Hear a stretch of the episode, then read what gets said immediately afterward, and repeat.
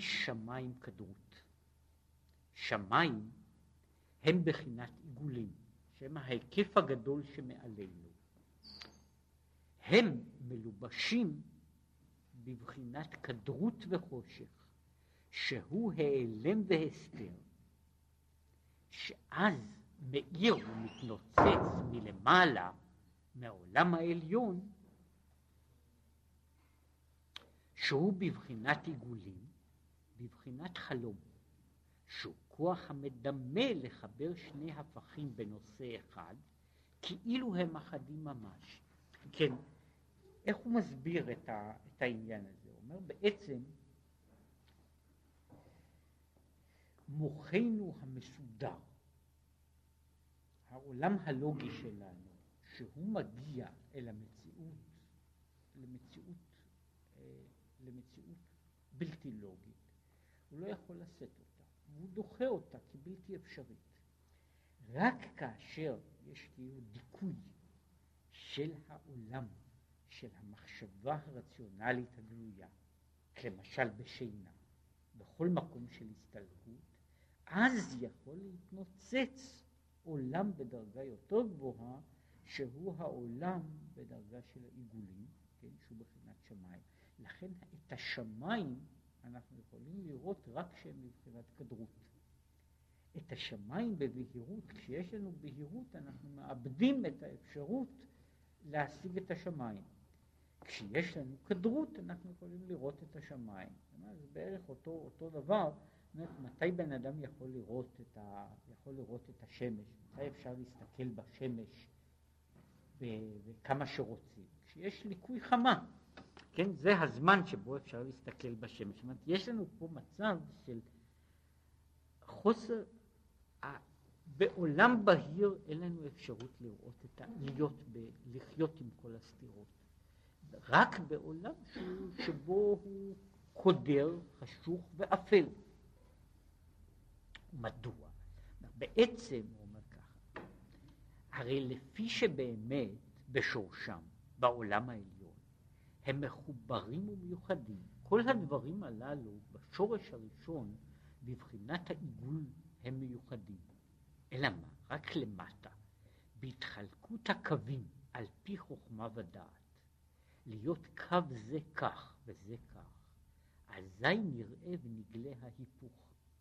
שזה ההיפוך מזה, ואזי הם נפרדים ורחוקים זה מזה.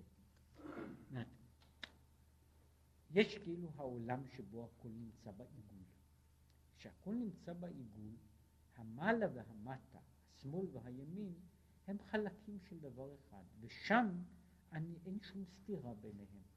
כשהם יורדים לעולם אחר, שכאילו שם אותם, ממיין אותם באופן לוגי, אז אני יכול לראות שהימין והשמאל אינם יכולים להיות יחד, ולכן הם צריכים להיות, כל אחד צריך להיות מנותב לקו שלו, ששם שני הדברים, שני הקצוות של ההוויה חייבים להיות כל אחד במקום שלו, בעניין שלו, ואינם יכולים להגיע לאיזשהו חיבור. ו- ו- ומשום כך הם לא, הם לא עומדים בבת אחת, ולכן אי אפשר להיות גילוי בחינת ההתקללות. בבחינת גילוי החוכמה שהיא ראשית התחלקות הקווים.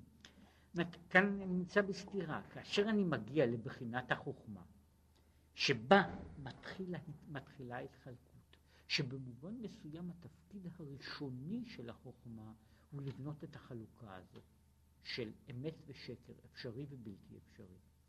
כאשר אני מגיע לחוכמה אינני יכול לחיות בתוך העולם של הסתירות, אלא שוב, כאמור, הוא אומר, אלא בבחינת שינה והסתלקות המוחים בגלות, אזי מתנוצץ ומאיר האור העליון, עכשיו הוא מסתתר ומתעלם בבחינת כדרות וחושך, דהיינו, בבחינת התלבשות ההלם, ולא בבחינת גילוי, כי הגילוי הוא בבחינת חוכמה ודעת, שהוא על פי קווים. כן, בתמצית, יש לנו פה סתירה מהותית שאיננה ניתנת כאילו לפתרון בתוך העולם הרציונלי. אם אני רוצה את כל הדברים יחד, אני לא יכול להשיג אותם בתוך עולם רציונלי. אם אני רוצה אם אני רוצה עולם בהיר, שבו יש משמעות, שבו יש סדר, שבו יש סדר הגיוני, שזה עולם, ה... עולם היקיצה שלנו, שם אני מוכרח להיות בקו זה או בקו זה. ואני לא יכול, הסתירה בין הקווים שוברת את האפשרות להחזיק אותם. ו- ולכן הוא אומר, איך, איך יכול להיות שבתוך העולם הזה יהיה עולם של סתירות בכל זאת? על ידי הכשר. זאת אומרת, על ידי הכשר. וזה אגב העניין הזה, הוא לא נכנס פה. אה, לכל גודלו ואורכו ורוחבו של, ה, של הנושא הזה, שיש לו, אה, יש לו כמה וכמה צדדים, אומרת שיש דברים מסוימים שאינני יכול להשיג אותם בשני, בשתי מצויות. יש לי כאילו הכרח אה, לבחור. או שאני רוצה עולם בהיר, ואז אני צריך להיות לקבל עולם חד צדדי. אני רוצה עולם מורכב, כן? אז הוא לא יכול להיות עולם בהיר. העולם הזה, וזו הבעיה, הזכרתי כבר, שהעניין הזה של ה... של למשל נבואה? אותו עניין של בחלום אדבר בו, מבחינה של הנביא, אותה בחינה של שהנבואה, שהנבואה בימינו היא נמצאת אצל, אצל חירש שוטה וקטן, שנסתלקה מן החכמים, היא בנויה על אותו רעיון. הרי הנבואה היא בעצמה סתירה לוגית. נבואה היא כשלעצמה דבר. אני חי בזמן אחד, ואני יכול לראות את הזמן שלי, אינני יכול לראות את הזמן שיהיה. יש בזה משהו של חוסר אפשרות, מפני שבתוך העולם שלנו, לזמן יש רצף, שהוא, שבו יש דבר אחד הולך אחרי השני, שאינני יכול להקדים בתוך המהלך של הזמן. אבל בחלום, או אצל השוטה, ההגבלה הזו איננה קיימת, הוא איננו יודע שיש חוק כזה שאומר לו שזה אסור. כן, אה, זה בערך כמו שקורה, מתי האדם ייפול בחלום? שהוא ייזכר שיש כוח משיכה. כל זמן שהוא לא יודע שיש כוח משיכה, הוא יכול להתעופף. כן, ברגע שהוא נזכר שיש כוח משיכה, הוא נופל. עכשיו, המציאות הזו אומר, המציאות היא לא רק של הדמיון כדמיון. המציאויות ההפוכות הסותרות נמצאות בעולם שהוא מעבר לעולם הרציונלי. ואשר על כן, ואשר על כן העולם הרציונלי חייב לקלוט אותן. מי יכול לקלוט אותם? רק עולם שהוא למטה מזה, לא למעלה מזה, אלא למטה מזה. לכן אומר ככה, בגלות יכול להיות עולם של סתירות. הוא יכול להתקיים מפני שכל הגלות היא חלום. כל הגלות היא מצב בלתי אפשרי. זאת אומרת, ברגע שאני מתעורר לא הייתי יכול להחזיק מעמד. אלא מה? אפשר לחיות בגלות מפני שזה עולם, זה חלום כזה. ובתוך החלום יכול לקרות דבר כמו, כמו, כמו גלות. ובתוך הגלות יכולים לקרות עוד דברים בלתי אפשריים, כמו הדבר הבלתי אפשרי שבן אדם יהיה גם עובד השם, באמת. וגם יהיה, יהיה שקוע בענייני עולם הזה, גם כן באמת. וזה יכול להיות בתוך העולם של הגלות.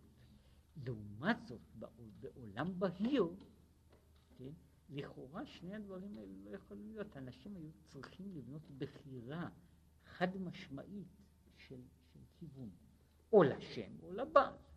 כן? בגלות אפשר להיות באיזשהו אופן לחיות בכמה עולמות יחד, בלי להרגיש את, ה, את העניין של הסתירה.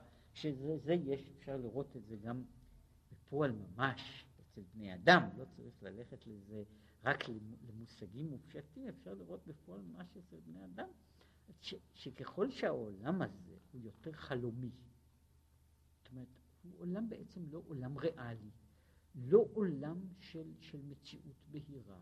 ולכן הוא יכול להכיל, אנשים יכולים להכיל בתוכם כמות עצומה של סתירות, בלי שהסתירות הללו מתנגשות איכשהו אחת בשנייה. אחר כך הם מגיעים למקום שבו אין עולם חלום. כן, ואז הסתירות הללו מתפרקות משמתברר לו שאי אפשר להיות בשני העולמות בשווה, והוא חייב להיות או בעולם זה או בעולם זה. זה מה, זה מה שהוא התחיל, שבזמן, ה, שבעצם הגאולה היא בעצם, כן, ששיר המעלות, שוב השם את שיבת ציון, היינו כחולמים. זאת שאנחנו מתעוררים, ואנחנו אומרים, איך אפשר היה לחלום במשך כל כך הרבה זמן? איך אפשר היה להיות בתוך מציאות בלתי אפשרית כזו? אומר, הייתי בתוך חלום.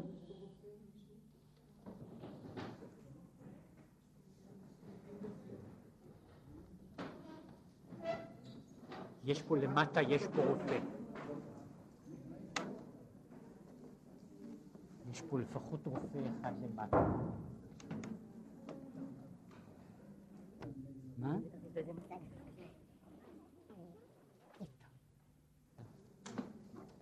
ככה אני חושב. מה? אני חושב שזהו זה. טוב.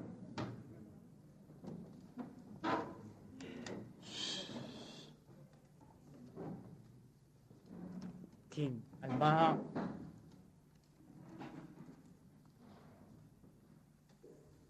כן, במה דיברנו? בעניין הזה שבעולם הזה כן, יש לנו כאילו הכרח של בחירה. הכרח של בחירה. אנחנו חייבים לבחור או בעולם של בהירות, או בעולם של, של העולם שבו יש ההפכים מתאחדים, הוא עולם בלתי רציונלי. בתוך העולם הרציונלי הדברים הללו אינם אפשריים. ולכן אומר, בשוב השם את שיבת ציון, היינו כחולמים. זאת אומרת, אנחנו מגלים אז, מגלים אז, שהקיום של זמן הגלות ושל הגלות היה כולו אה, בלתי אפשרי. כן? אומרת, שכל העניין של הגלות היה תופעה בלתי אפשרית. ושהוא יכול היה להיות רק משום ש... שהיינו כחולמים. כן? זה איך, זאת אותה שאלה שהזכרתי, איך אפשר להיות לישון 70 שנה, ש... שהוא לא ידע שיש אפשרות לישון אלפיים שנה, כן? שאפשר לישון אלפיים שנה, כן? ולהתעורר. לפני כמה זמן היה בעיתון, זה אמנם סיפור שאי אפשר להאמין לו בגלל המקור הסובייטי שלו, אבל בכל זאת, היה סיפור שמצאו איזה, איזה, איזה סלמנדרה קפואה שמעריכים אותה בכמה אלפי שנים, שהיא נרדמה שם, נרדמה בשלג, כן? ועכשיו התעוררה. אבל באמת, כשמסתכלים על עם ישראל, אז זה בערך מין דבר כזה. זאת אומרת, ישן ככה אלפיים שנה, ו... וקורים דברים כאלה. אבל הוא אומר, יש לכל אלה, יש גם פתרון. לעתיד לבוא כתיב, ולא ייכנף עוד מוריך. מה זאת אומרת לא ייכנף עוד מוריך? בכנף ולבוש.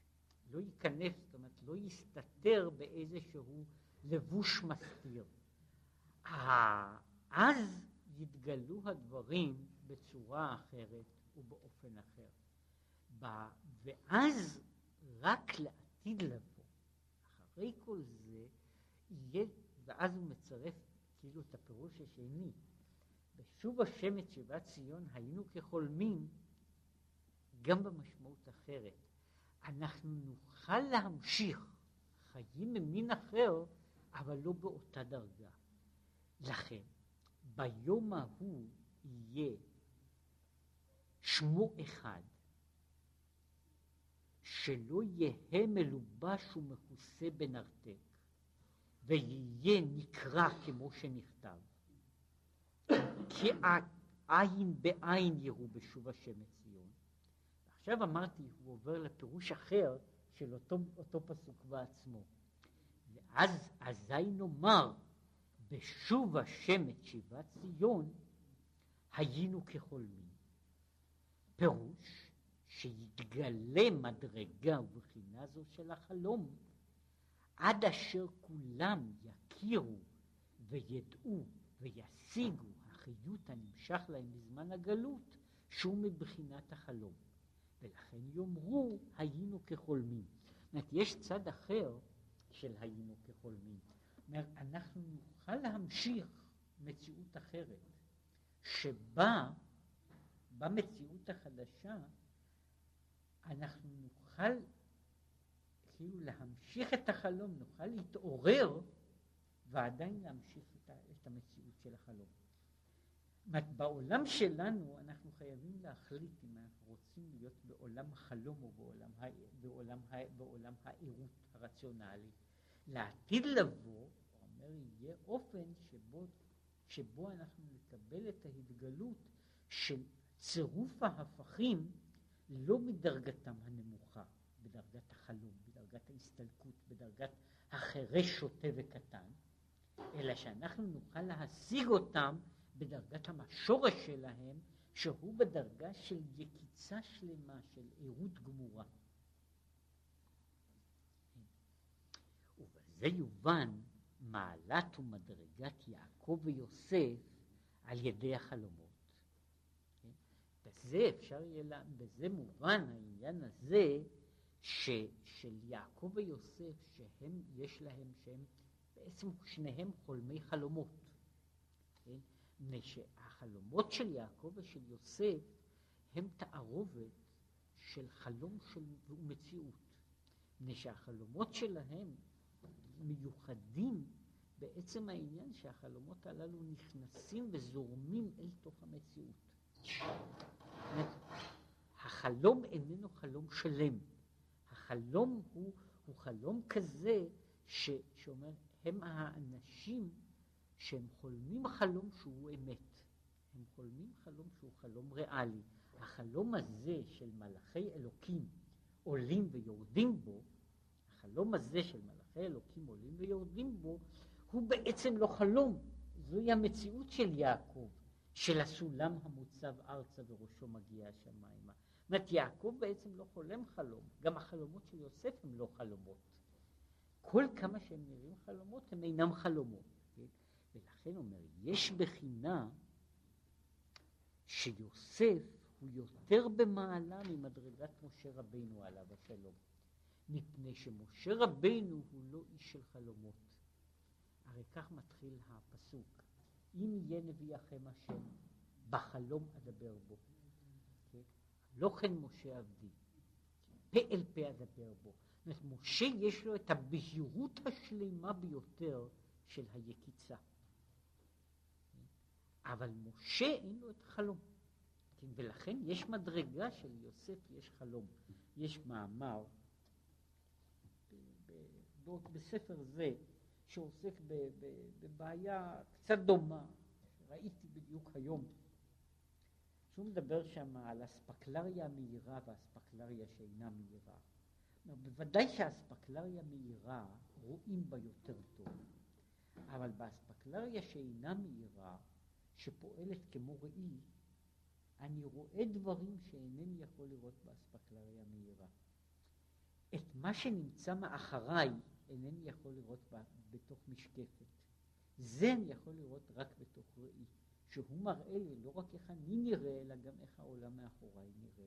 וזהו הדבר, יש יתרון מסוים באספקלריה שאינה מהירה, שהיא מגלה דברים חדשים. אומר, מבחינה זו יש מעלה, אומר, העולם של משה הוא בכל הדרגות שהוא רואה אותו הוא עולם בהיר, ומשום כך הוא עולם קונסיסטנטי, ומשום כך הוא עולם שאין בו סתירות מהותיות.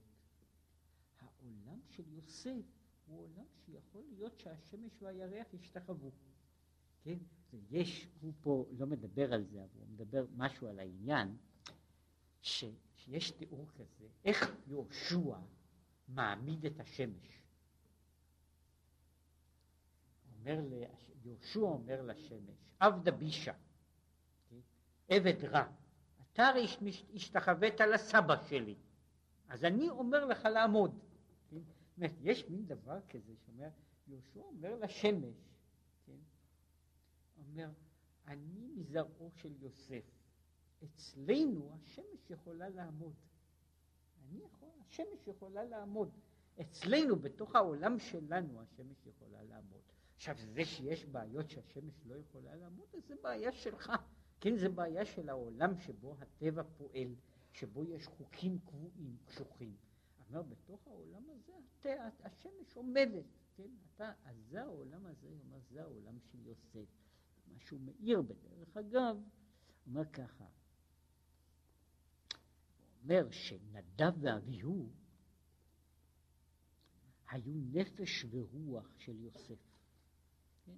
זה, הוא רק אומר שהרי היו שני בני אהרון, נדב ואביהו, אומר שהם היו בבחינה של נפש ורוח של יוסף. ומה שאמרו, ואנחנו טמאים לנפש אדם, זה אביהו. אבל נדב היה מבחינת רוח, לא נפש, ולא היו צריכים הזעה בשבילו כלל.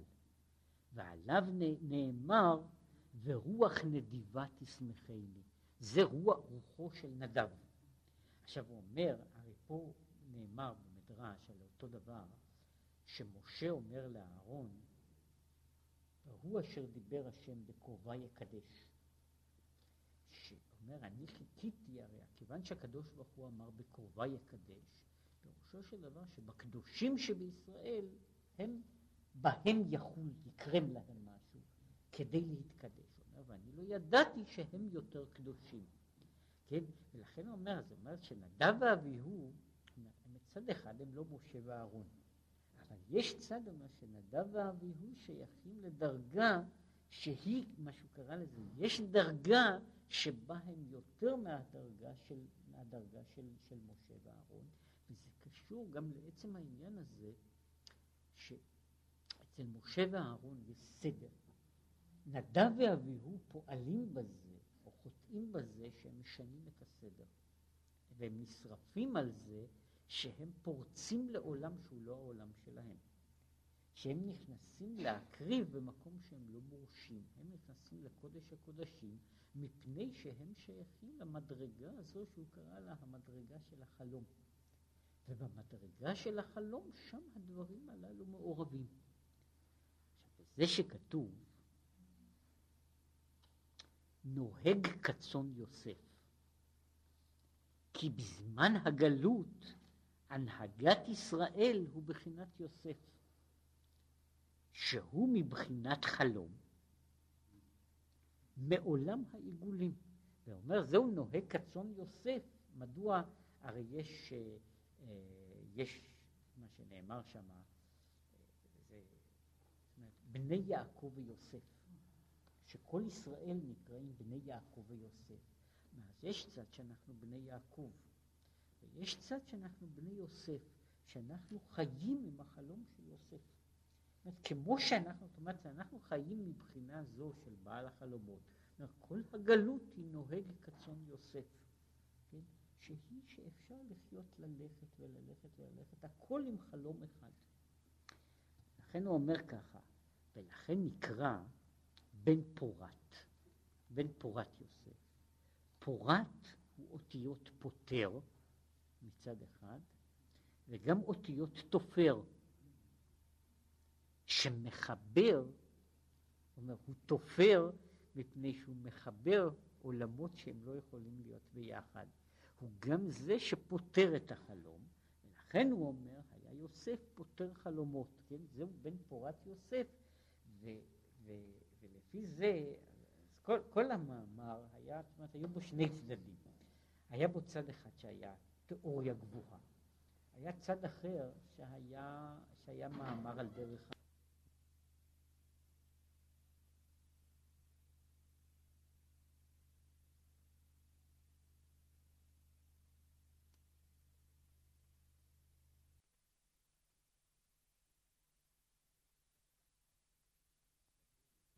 היה בנוי על השאלה שהרבה אנשים מרגישים, שהיא שאלת הסתירה הפנימית.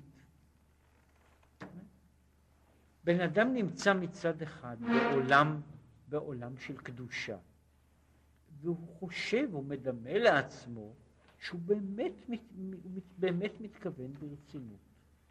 אחר כך הוא מוצא את עצמו לפתע בעולם רחוק, בעולם של הנוחיות, בעולם של גוף. וגם לשם, שם הוא מתכוון ברצינות, או יותר רצינות, זו כבר שאלה. והבעיה הכי מציקה היא, כמו שאמרתי, השאלה היא האם זה אומר ש, שפה היה שקר, שזו הייתה מרמה. זו הייתה מרמה, אני מרמה, אני, שאני אני מתפללתי ואני אמרתי כך וכך ואני הבטחתי כך וכך וחשבתי שאני מתכוון לזה ברצינות, וזה לא מחזיק. מה זאת אומרת לא מחזיק? כשהתפללתי בתוך העולם של התפילה זה הכל היה ככה. אחרי של העולם של התפילה זה כבר לא היה ככה. ואז הוא אומר, זוהי תופעה של הגלות. זו מהות של גלות, שהיא יכולה להכיל את ההפכים, שבן אדם יכול להכיל בתוכו את הדברים הללו בלי שהם יוכיחו שאחד מהם הוא בוודאות בלתי אפשרי. שניהם, במובן מסוים שניהם הם בלתי אפשריים בצירוף. ואף על פי כן שניהם הם קיימים באותה מידה. רק לעתיד לבוא, וזה העניין של הגאולה, של מה שקורא לזה, זה הצד האחר של היינו כחולמים. כשתהיה הגאולה בשלמותה, אנחנו נוכל להיות בהקיץ באותו סוג של עולם שבו הכל אפשרי כמו בחלום. כן? מפני שהוא אומר בעצם, איך הוא מגדיר את העולם הזה של ה... העולם של הגאולה השלמה, של ה... ביום ההוא יהיה השם אחד ושמו אחד. אומר, בתוך העולם שלנו יש חוק, והחוק בעולם שלנו מגדיר שיש גבולות לחומר ויש גבולות לרוח, ושמה שקשור לחומר לא יכול להיות קשור לעולם הרוחני. בתוך העולם של הגאולה, החומר והרוח אינם יותר סתירה. כן? וזה אומר, בעולם של הגלות זה יכול להיות בתוך שינה. בתוך זה שאין תודעה אמיתית גמורה, לא של קדושה ולא של חומריות. יש מין חלום. בעולם של הגאולה אפשר יהיה ששני הדברים האלה יהיו בעירות גמורה וביקיצה גמורה, אז יכול, יוכל להיות העניין הזה של השם אחד ושמו אחד, שהוא ושמו יהפכו להיות לעניין אחד. אז עד כאן החלק הזה.